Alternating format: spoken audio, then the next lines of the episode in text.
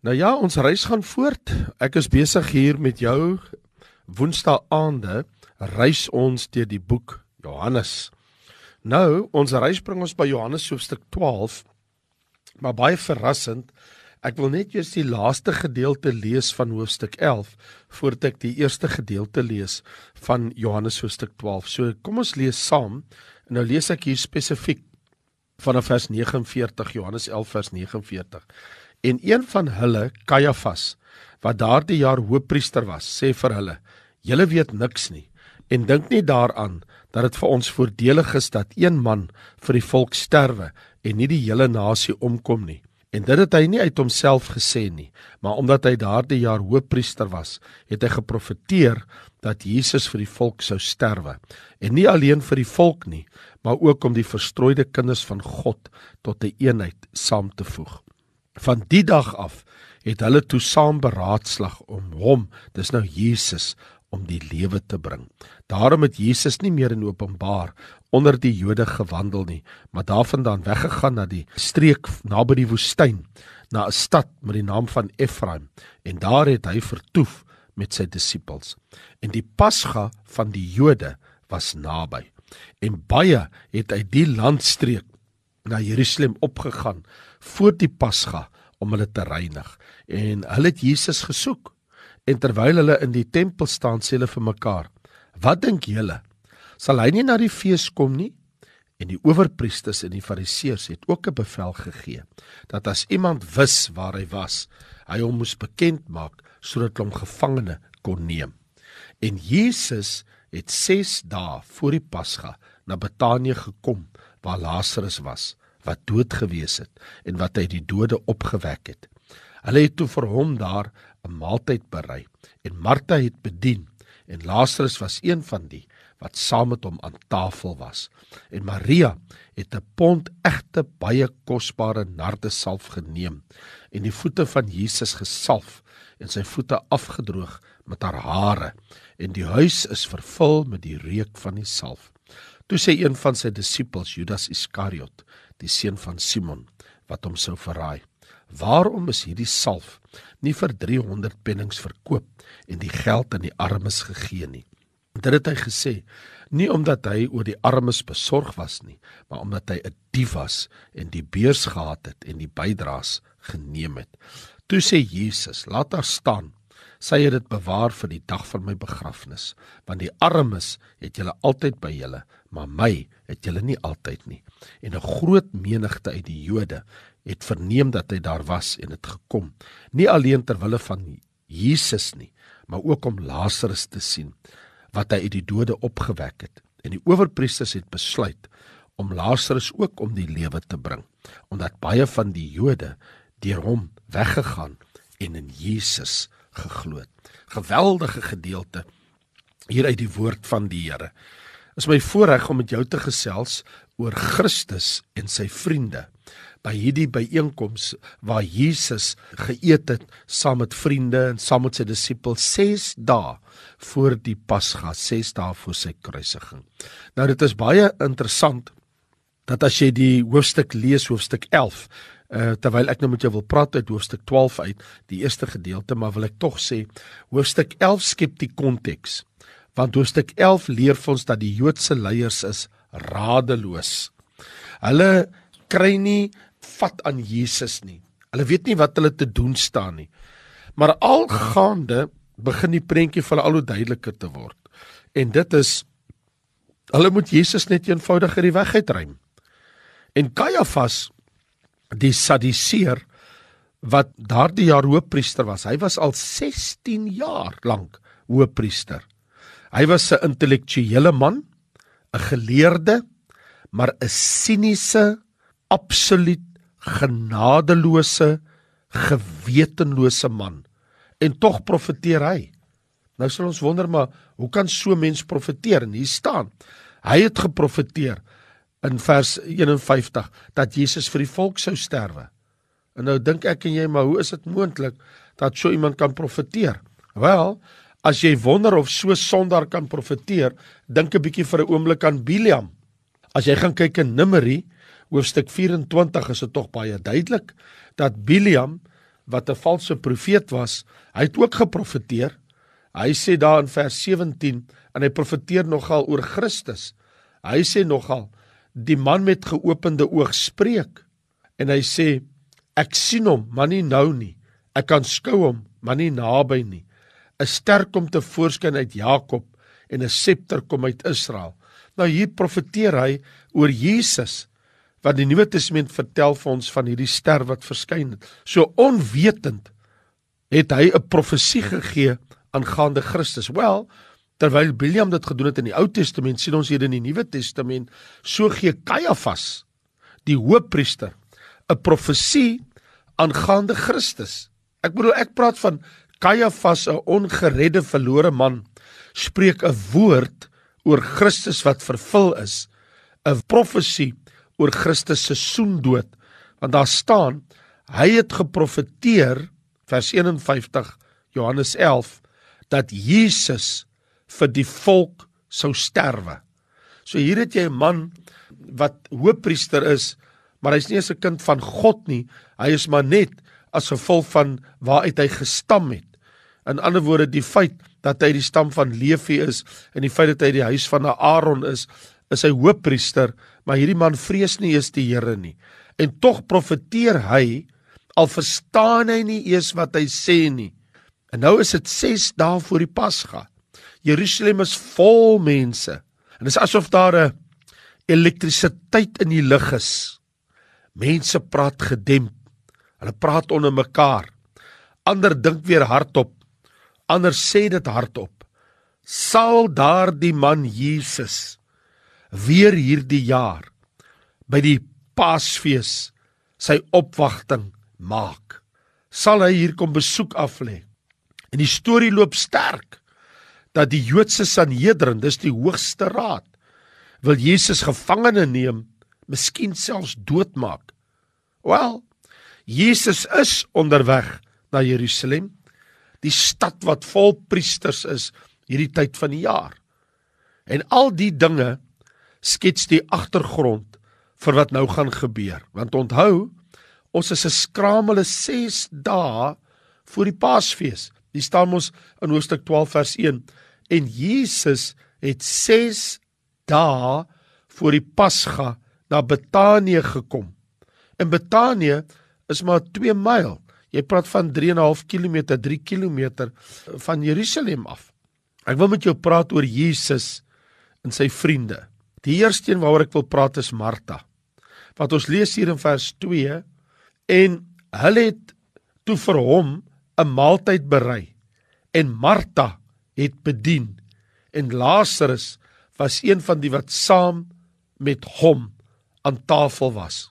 Jy weet Martha is maar net Martha. Sy doen wat sy maar altyd doen en sy is en was nog altyd lief om kos te maak vir gaste, vir vriende en vir mense. Sy maak die lekkerste maaltye vir haar gaste en in die besonder ook vir Jesus. Maar hierdie keer, volgens Matteus 26, in die huis van iemand wat nie te ver vanaf bly nie, in die huis van Simon. Maar ou Martha, ons vind haar sommer in die, in Simon se kombuis. Want of sy na eie huis is en of sy by vriende is, sy's maar altyd in die kombuis, want sy's maar hierdie gewillige, dienswillige Martha. Nou ek weet van 'n kennisgewing bord wat in iemand se kombuis hang en die woorde lees Divine service held you 3 times daily. Wat jy sien vir party mense dit is wat hulle vir die Here doen. Dit is hulle dienswerk vir die Here al maak hulle kos. Jy geweet selfs om kos vir jou gesin te maak is ook dienswerk aan die Here. Wat jy sien as jy die regte Bybelse perspektief het, dan alles wat jy doen is tot eer van die Here. Nou of jy nou 3 keer 'n dag kos maak vir jou familie en of jy boeke doen as 'n rekenmeester en of jy nou fietsse regmaak en herstel of jy nou toets af lê of jy miskien 'n besigheid bedryf die Bybel sê vir ons alles wat ons doen doen ons tot eer van die Here nuus Martha 6 dae voor die Pasga en sy's al weer besig om maar net Martha te wees. Jesus is besig met mense en hy het baie te sê en terwyl hy besig is, en sy maar by die kospotte en sy weet hierdie mense is honger, hulle moet eet. So nou vind ek Maria. Vers 3 sê en Maria het 'n pond egte baie kosbare nardesalf geneem. Nou terwyl hulle nou so heerlik eet en kuier en Martha so besig is in die kombuis en oral, het hierdie Maria hierdie brandende passie in haar hart. Sy het hierdie begeerte na binneste en sy dink by haarself: Ek wil iets vir Jesus doen, maar iets baie spesiaal. Ek wil hy moet weet hoe lief ek vir hom is. En toe neem sy 'n berekende besluit. Sy weet presies wat sy gaan doen en wat sy wil doen. Sy glip by die huis uit van Simon en sy gaan vinnig na hulle eie huis toe, die huis van Lazarus, Martha en Maria. En sy gaan haal haar kosbaarste geskenk wat sy baie diep weggeberg het in die huis, haar kosbaarste besitting. En sy bring hierdie pond hierdie wat in hierdie fles kosbare albaste fles vol nardesalf is. En sy gaan neem dit en hou dit styf vas en sy glip weer in by die huis daar waar Jesus en sy vriende is. Martha wat die lekker kos maak En sy gaan staan agter Jesus en Matteus sê en sy begin sy hare, sy lang hare wat oor sy skouers val, begin sy invryf met hierdie nardesalf. En dit en dit begin die hele huis vul. En sy sy vryf sy hande en dan gaan sy na sy voete toe. En sy begin alles invryf met hierdie nardesalf. Die mense begin haar verbaas aankyk en hulle kry hierdie reuk, hierdie heerlike geur, hierdie aroma van hierdie salf want die Bybel sê en die huis is vervul met die reuk van die salf. En wat leer ek en jy uit hierdie handeling van Maria? Maria bring haar mees waardevolste besitting bring sy na Jesus toe. En dit was 'n groot prys wat sy gegee het. Nou Judas wat daar naby is, hy gee net so een kyk en hy hak af en hy sê maar dit kan vir 300 pennings verkoop gewees het. Nou jy weet, volgens sy skatting, want hy's mos die tesourier, hy kan mos vinnig somme maak. 300 pennings. Nou ek weet nie of jy dit geweet het nie, maar die prys van 'n penning, die waarde van 'n penning is gelykstaande aan 'n arbeider se dagloon. Nou ek weet nie wat betaal jy die vroutjie wat in jou huis werk wat jou huis skoon maak nie. Ek weet nie wat betaal jy vir die man wat jou tuin doen of vir iemand wat jy net vir die dag gou in diens neem om net bietjie vir jou 'n uh, bietjie verwerkies te doen en net so bietjie hier en daar reg te maak by jou huis of net so bietjie werk te doen te skoffel aan die tuin of skoon te maak. Nou gewoonlik in vandag se tyd, ek dink ons praat van seker so tussen 2 en 350 rand 'n dag, miskien 250 of selfs 300 rand afhangend uh, hoe jou ingesteldheid is. Maar 'n dag arbeider se loon in die tyd van Jesus leer ons in Matteus is 'n penning. So as jy sê 'n penning is R300. Kom ons sê jy gee vir 'n dagwerker gee jy R300 vir die dag. Dan is dit 300 pennings wat moet gegee word. Want ek bedoel 300 pennings is 300 mense dagarbeiders se se salaris se se betaling. Ek bedoel jy praat van 90000 rand. As ek nou vir 300 mense in diens neem en ek betaal hulle 300 rand, jy praat van 90000 rand. So hierdie kosbare nardesalf het 'n groot waarde. Jy weet jy praat van in ons taal vandag uh, van ongeveer enigiets tussen 70 en 100000 rand. Jy praat van 90000 rand. So in Maria se se terme in haar dag was baie kosbare salf en dit dit vul die hele vertrek met hierdie lieflikste geur, hierdie aroma Jesus se liggaam, sy hare, sy voete. Ek bedoel Maria het werklik waar haar kosbaarste bate geskenk wat sy besit aan Jesus geoffer. Mense, dit stuit my in my voetspore want ek wil nou vra Wat is die mees waardevolste besitting wat jy vir Jesus kan gee? Nou vir sommige mense is dit hulle lewe. Vir ander mense is dit hulle bankrekening. Vir ander mense is dit mos hulle posisie in die samelewing. Vir ander mense is dit dalk 'n verhouding wat hulle het. Vir my en vir jou, wat is ons kosbaarste besitting? My vraag is eintlik Sal ek en jy, sal ons dit vir Jesus gee? Sal ek wat ek het beskikbaar stel vir Jesus se gebruik? Want hy sê, sy doen dit met die oog op my begrafnis. Jy sien, Maria gee nederig haar allerbeste vir Jesus Christus. Sy staan en vryf Jesus se lang hare in. Sy buig oor Jesus en vryf die salf in. Sy kniel by sy voete en vryf hierdie welriekende salf in sy voete. En toe maak sy haar lieflike hare los en sy begin met haar hare. Die teks sê en met haar hare begin sy sy voete afdroog. Daai salf wat so vloei teen sy liggaam af en dit kom by sy voete en sy vat haar hare en sy begin dit vyf in haar eie hare. Sy het nou al lankal sy hare ingevryf. Nou vryf sy hare hare in daai salf. En sy gee nie om wat ander mense sê nie. Sy hoor skaars wat Judas Iskariot kwytraak toe hy begin wal gooi en hy murmureer praat met jou oor Iskariot Iskariot sê een van sy disippels, die een wat hom sou verraai. Waarom is hierdie salf nie vir 300 pennings verkoop en die geld aan die armes gegee nie? Wat het dit met hom te doen as iemand vir Jesus 'n geskenk wil gee?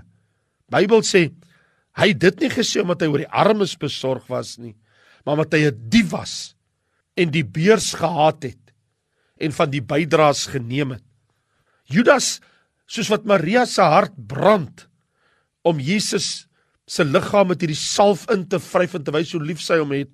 Martha se hart brand en sy maak hierdie heerlike geregte vir Jesus se disippels.